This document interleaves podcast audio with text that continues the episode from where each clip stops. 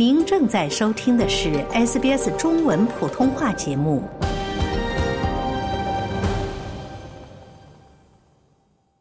从法律角度看待社会现象，以专家意见指点生活迷津。请听现场说法。现场说法，您了解法律、咨询问题的空间。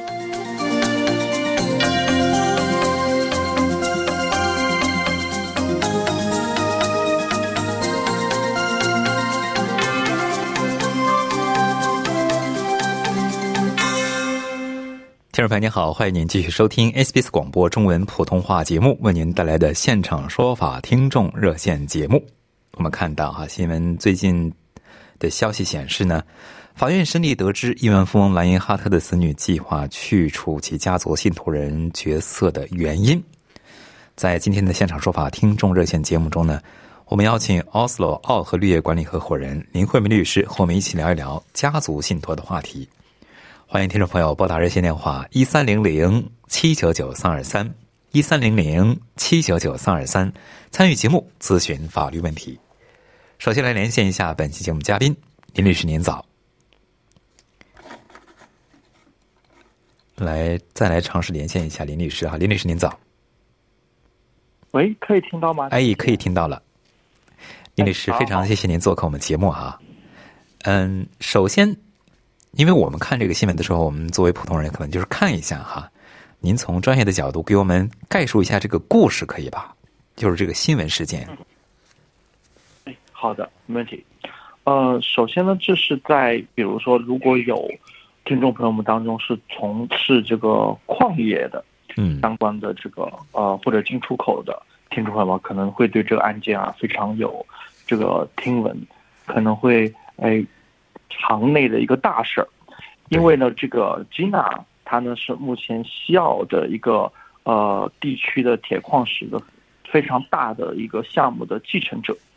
那么他呢是从他的这个呃父亲那边继承来，而他呢同时继承来的时候，还有他父亲是创业的合伙人，并且呢他自己呢还有四名子女。这四名子女呢，分别是与两任丈夫所生，啊，那么在这样的诉讼当中呢，呃，他包括了相关的诉讼方就有他最年轻、最年长的两个孩子，分别是 John 和 Bianca，嗯，同时呢，还有他父亲生前的两个合伙人的继承人，那。在这样的诉讼当中的诉讼目的呢，分别是他的两个年长的孩子呢，就是的诉求是需要把他 Gina 对于某一个呃矿业的继承的股权要拿回到家庭信托当中。他们认为 Gina 作为这样的信托的授权人，有涉嫌把某一个很大的矿业的继承的股权。有意的从家庭信托当中啊给剥离开，从而剥夺了这两位最年长孩子对某一个巨大的矿业继承权的这个权利，有滥用家庭信托受托人权利的这个可能，这是他们的一个核心的一个诉求之一。同时呢，这两个呃子女呢也称他们是有权利去继承这样一个大型的矿业项目的。因为是由他们的祖父留给他们的，并且呢，他们也找到了一些邮件往来，来证明，呃，这个吉娜是有意的把他们这个剥夺开来，从而呃涉嫌呢，呃，在未经他们受益人的权利的情况下，而滥用了受托人的这个权利，从而引起了一个家庭，大家可以理解为是个矿业大家族啊，里面的一个宫廷剧一样的一个争夺。那这样的争夺呢，还暂未涉嫌到继承，因为吉娜还还在世，但他呢涉嫌到关于受托人跟受益人之间关于利益的一个分配和纠纷，就引起了这样一个呃业内的一个家族的新闻。嗯，一般来说，这个家族信托里边，受托人跟受益人往往是怎么说呢？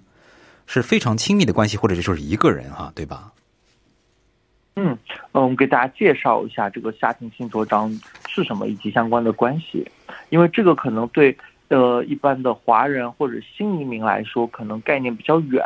嗯，因为对于呃呃在中国大陆的话，可能很少接触到家庭信托，或者刚刚兴起这样的概念。而在澳大利亚，这样的家庭信托可能会有几百年的这个历史了。嗯，那么家庭信托呢，它是一种协议，它是指其中一人。或者一家公司啊，同意作为受托人代为持有资产，通常呢是为了让家族成员受益，成为受益人。受托人呢，我们叫做 trustee，他呢是有一定的自由裁量权的，可以决定每年将信托的收益或者资本的收益分配给哪些家族成员。这里呢分呃得到。利益的那方家庭成员呢，叫做 beneficiary。那么我们举个非常简单的例子，比如说受托人觉得，并且成，并且呢，呃，立了规矩，说当某些家族成员他们成你成年了，或者他们考试考到一百分或者九十五分以上，他们才能获得某些租金，或者才能换呃更好的手机、更好的呃笔记本作为礼物的话。那这样就是一种自由裁量权，而受益人也只能在达到一定的呃制度或者达到一定的事件或者时间的时候，才能得到一定的收益。将所有权与受益权进行了一个剥离，那这样呢，就是我们所说的家庭信托和受托人以及受益人之间的关系，简称为其中的家庭的投资或者企业。由父母共同持有，或者由父母的公司来呃持有，但是呢，受益于家庭的成员或者未来的成员。嗯，其实您介绍的非常的，就是说详细哈。就是从这个案例来说哈，吉娜她本身她是首富，是澳大利亚非常富有的一个富豪哈。就她本身也是这个家族信托，她是受托人，同时她也是受益人，对不对？嗯，是。同时呢，受益人当中呢，还有其他的，我们刚才提到的，就是他的孩子啊之类的一些家庭成员。嗯，就是说，如果是家族家庭信托的话，受托人和受益人其实是可以是一个人的，对吧？呃，是的。呃，但在此案当中呢，呃，其他的受益人呢就认为吉娜呢是有涉嫌，嗯，把这个受益的这个范围有所变化，并且呢，并不平均的。不公平的对待其他的受益人。嗯，就是如果是说提起这个争议的话，是需要有证据的，对不对？嗯，是的，这样的证据呢，就包括了一些通信往来，比如说跟会计师啊、跟律师啊，或者跟这么多受益人当中，其中某一个或两个受益人私下的沟通，表达说：“哎呀，我可能会将某些财产。”有意的不平均分给其他受益人，或者这样的分配方式它是不公平的之类的证证人证词。嗯，非常谢谢林律师的介绍。听众朋友，您正在收听的是《现场说法》听众热线节目。在本期节目中呢，林慧梅律师呢从案例出发和我们聊一聊家庭信托、家族信托的话题。欢迎听众朋友们继续拨打热线电话一三零零七九九三二三一三零零七九九三二三参与节目咨询法律问题。接下来我们来接听听众电话，这位是杨女士。杨女士您好，哎，早上好，早上好，林律师，早上好。我想请问一下，嗯，就是我妈妈她是一个海外游客，然后她在这里在一个油站不小心呃被车撞了，呃，她是行人，然后那个责任方是在司机，就是警察来了，已经判定是那个司机的错，嗯，然后当时那个救护车也来了，救护车就是说检查完之后就说建议他去。医院做一下检查有没有骨折，所以我就带他去医院做了检查。那然后就是因为他是海外游客，就是没有 Medicare，有就是有很多费用。然后我想跟那个司机要回这些费用，嗯，但是他现在没有回复我，所以我的问题就是，我可以作为一个实际的权益受损人去起诉他吗？还是我必须作为我妈妈的代理人去起诉他？好的，谢谢您的问题。呃，您需要作为您母亲的代理人去起诉他，然后呢，呃，您母亲作为这个受受受害的那一方，呃，并且呢，车辆它是有第三方人身保险的，那叫做 p p 那么这时候呢，你完全呃，它这这个保险是强制保险啊，就算他他没有买一些车的这个呃物理受伤的保险或者呃嗯。其他的保险，但像这种撞到人的人身保险，原则上是上路一定要买的，所以呢嗯，就按照这个去主张他的保险就可以了。但嗯，您不是主要的人，您可以作为代理人来帮母亲处理这样的案件。呃，那如果我去 tribunal 的话，我需要我妈妈写一个授权书给我做她的代理人是吗嗯，原则上是的。嗯？OK，好的。那然后就是 tribunal 如果判决的话，会根据警察的那个责任方来判定吗？还是说我还需要去提供什么证据之类的吗？会核心的证据有一，警方对于这个交通事故的判定；二，母亲的这个伤害；嗯三，对方的一些车辆的基本资料。嗯嗯，好，对，好的呃，然后同时呢，呃，对，呃，然后同时呢，也建议您咨询一下您所在州的呃人身伤害和包括交交通这个伤害的相关的律师。呃，有一部分律师呢，在这样的案件，人身伤害案件呢，他们原则上会实行这个 no fee no fee 的制度，来帮助这个受害人尽可能的处理这样的伤害的案件。啊，不好意思，能不能再说一遍吗？是，呃，去咨询抱歉，呃对，我是指在呃您母亲受害的所在地的那个州啊，可以联系一下当地专门处理交通伤害、人身伤害的律师。对于这类案件呢，在呃部分地区呢，它是有 no win no fee 不赢不收费的这样的政策的。哦哦，OK，明白明白，好的嗯好的，谢谢。供您参考，杨女士，祝您顺利。好，谢谢，谢谢。好嘞，谢谢您咨询，祝您顺利。听众朋友，欢迎您继续拨打热线电话一三零零七九九三二三一三零零七九九三二三参与节目咨询法律问题。像倪女士，像刚才杨女士咨询的这个问题哈，您提到这个人身伤害或者交通伤害的律师可能会提供这个 no win no fee，就是嗯不赢不收费的这么一个服务哈，是不是说所谓的这个不赢嗯不收费，就是说赢了之后呢，这个律师费是从这个索赔中的这个金额中去扣除的呢？是的，呃，并且呢，在不同的州呢是一定有一定的限额的。比如说在昆士兰州，做这样的律师费收费最高呢也不能超过呃这个理赔所拿到的百分之五十。嗯，在最后结算的这个时候，因为不能让律师费收费来超过受害人本身他的拿到的赔偿更多的比例，那这样就越离呃离开了这个受害人赔偿索赔的这个初衷了。嗯，非常谢谢林律师的分享啊，这条信息我觉得还挺重要的哈。听众朋友，欢迎您继续拨打热线电话一三零零七九九三二三来参与节目咨询法律问题。接下来的这位听众是王先生，王先生您好，哎，你好，主持人，你好，林律师。你好，你先讲。啊、我想问的问题是，这种家族信托离普通人的距离有多远？这种家族信托的话，是不是花费比较高，或者是只有比较有钱的人才有意义去做这种东西？还是其实离普通人也嗯的距离也不远，也是有应用场景的？嗯，好的，谢谢您的问题啊。您的问题我觉得非常的实际。呃，我我可以用一个非常呃口语的来回答您，就是说，当您的家庭的资产以房子来算的话，呃，超过有第三套或者超过第三套，这是一种情景。然后还有一种情景就是，当我们的资产的这个呃构成啊非常多样化了，我们包括不动产，包括虚拟货币，包括更多的股票，或者我们的家庭成员比较多样了。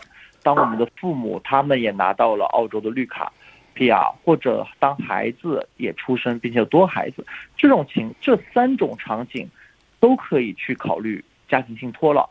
家庭信托呢，它可能每年啊，根据不同家庭或者不同的资产，它的每年的会计费用或者律师的介入的费用给予建议啊，或者做报税啊，可能会在最少可能也会在三千以上。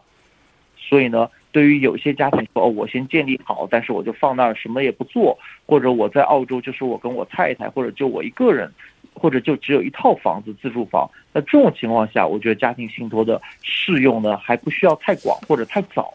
但当我们讨论到刚才那三种，呃，用白话来讲非常常见的以及这种情况发生的话，那可以就考虑家庭信托在普通老百姓的这个呃生活当中的应用了。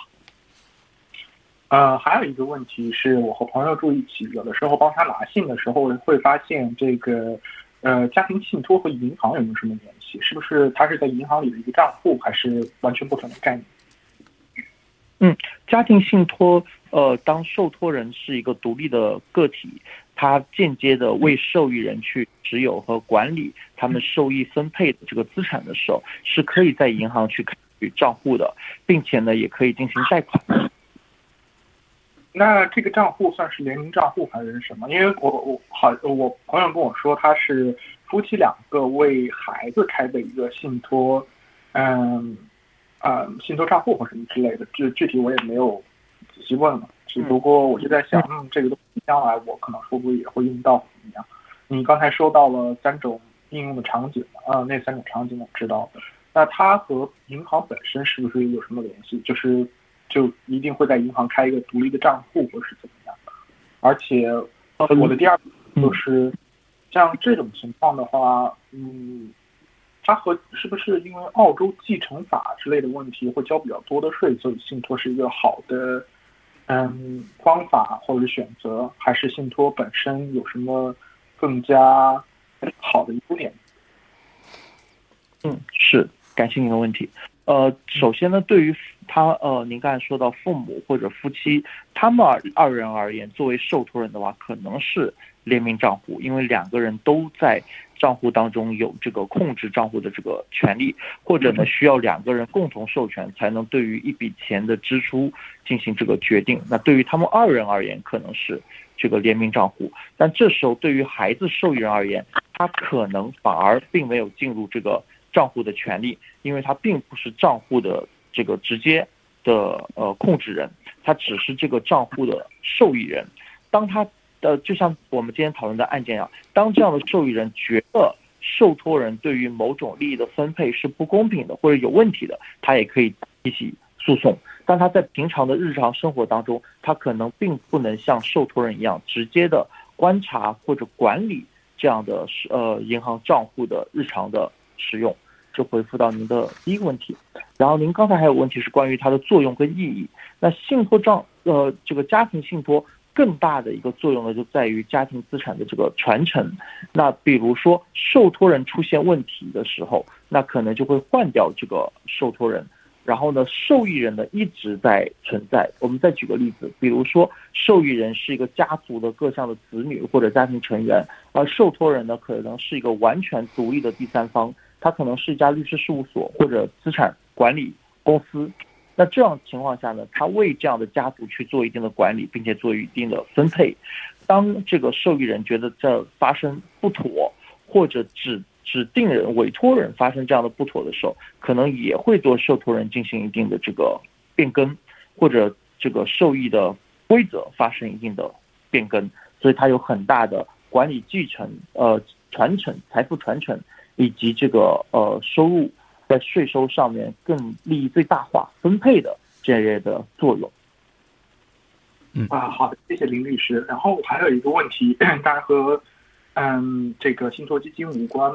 我想问，这种呃被辞退和主动辞职之间，在法律或者是档案上有没有什么不好的影响？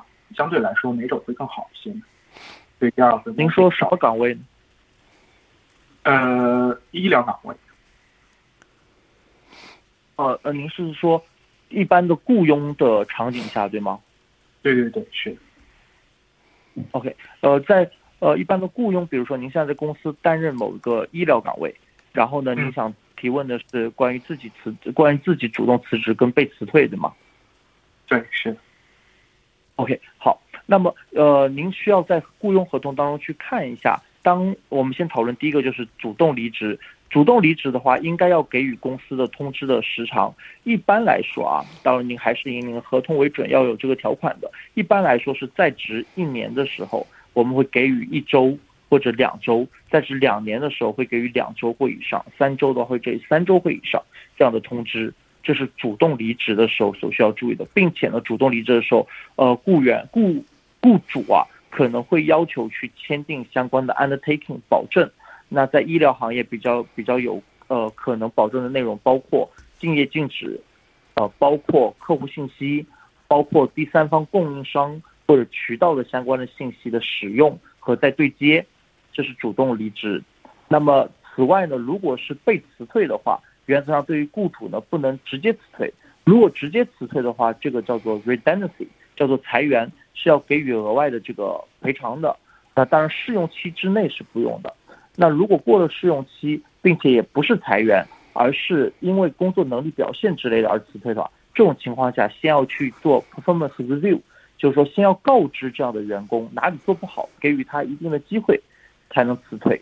呃，不然的话可能会触发 unfair dismissal，就不公平解雇，呃，这样的情形。所以对于雇主来说，他的义务可能会更多。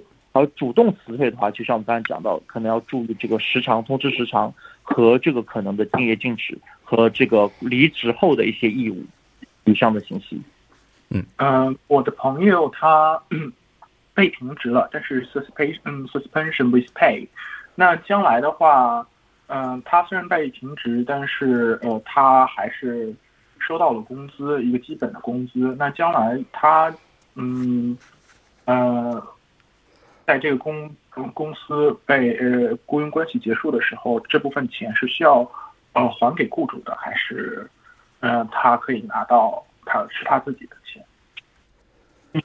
呃，首先呢，当然要看这样被这个暂时呃呃。包停职，但是给予薪水这样停职的触发的原因是什么？是因为他个人的表现啊，还是公因为公司的岗位啊，还是因为说公司暂时不需要大家到到公司来值，但是呢，工作任务照常。但一般来说，这样的公司是不需要去退回去的，没有没有说再退回去这一这一说。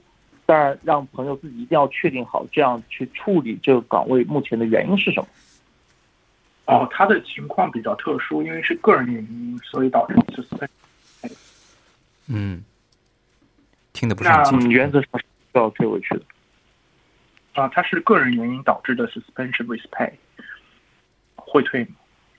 还是个人？个人什么原因呢？身体原因、健康原因？呃，健康原因。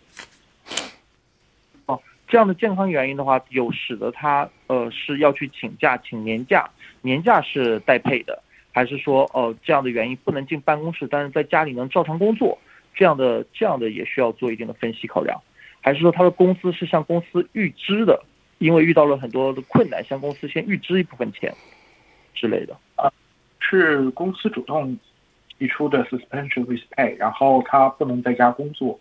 我估计这种应该是具体案例具体分析了。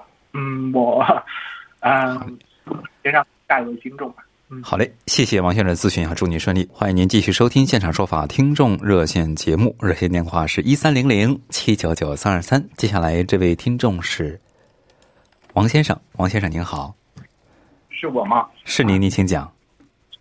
呃，我在十天前呢。我我住在墨尔本，我在这个附近那个 shopping center 那个买东西，完后出来以后呢，呃，倒车，倒车的时候呢，呃，刮蹭了一下后面有一辆啊车，那么刮蹭的程度呢，就是说，呃呃，钣金没坏，只是油漆呢会刮痕，当时呢互相拍了个照，留了个电话，然后呢。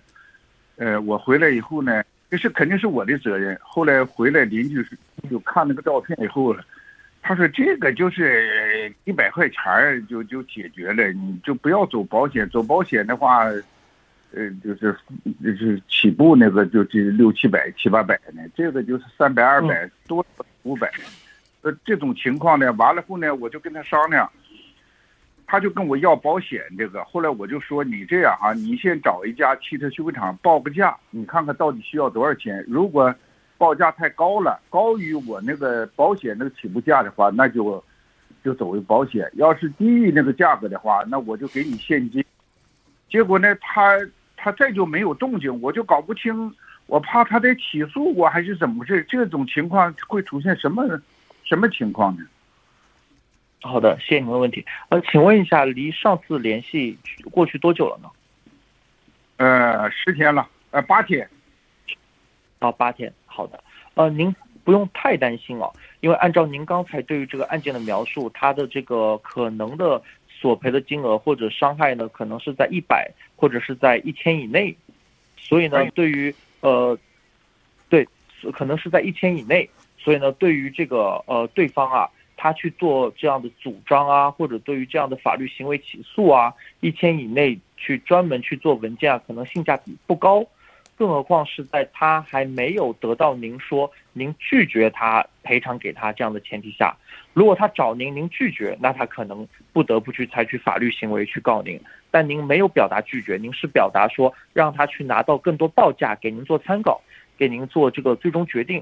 所以我认为他在这八天啊，可能是依然在市场上寻求对他最有利的这个报价，在寻求的过程当中，并不一定已经在呃采取法律行为了，因为一千以下呢，法律行为的性价比可能比较低，所以呢，您可以再联系他一次，或者呢，您可以给他两到三家您比较信赖的、比较中立、独立的这样的呃汽车维修公司，让他去那两三家。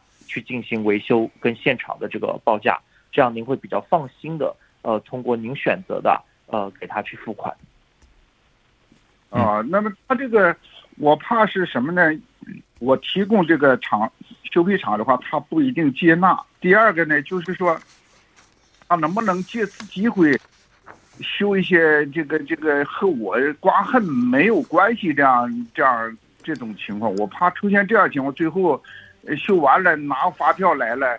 嗯，由于时间有限哈，林律师，您给我简要介绍如何避免这样的情况呢？好的，好的。您的两个问题，第第一个问题是，您给他多个，不要只给一个，两到三个让他选择。第二个呢，所有的修车厂 invoice 呢都是有明目明细的，除了刮伤，您可以看一下有没有别的，但您只用支付刮伤，别的零件您完全不需要支付。谢谢林律师，谢谢王先生的咨询。以上就是今天两个小时的中文普通话节目。因个人情况因人而异，法律问题复杂，本节目仅供一般性参考，并无意提供任何个案法律建议。喜欢、分享、评论，欢迎您在 Facebook 上关注 SBS 普通话页面。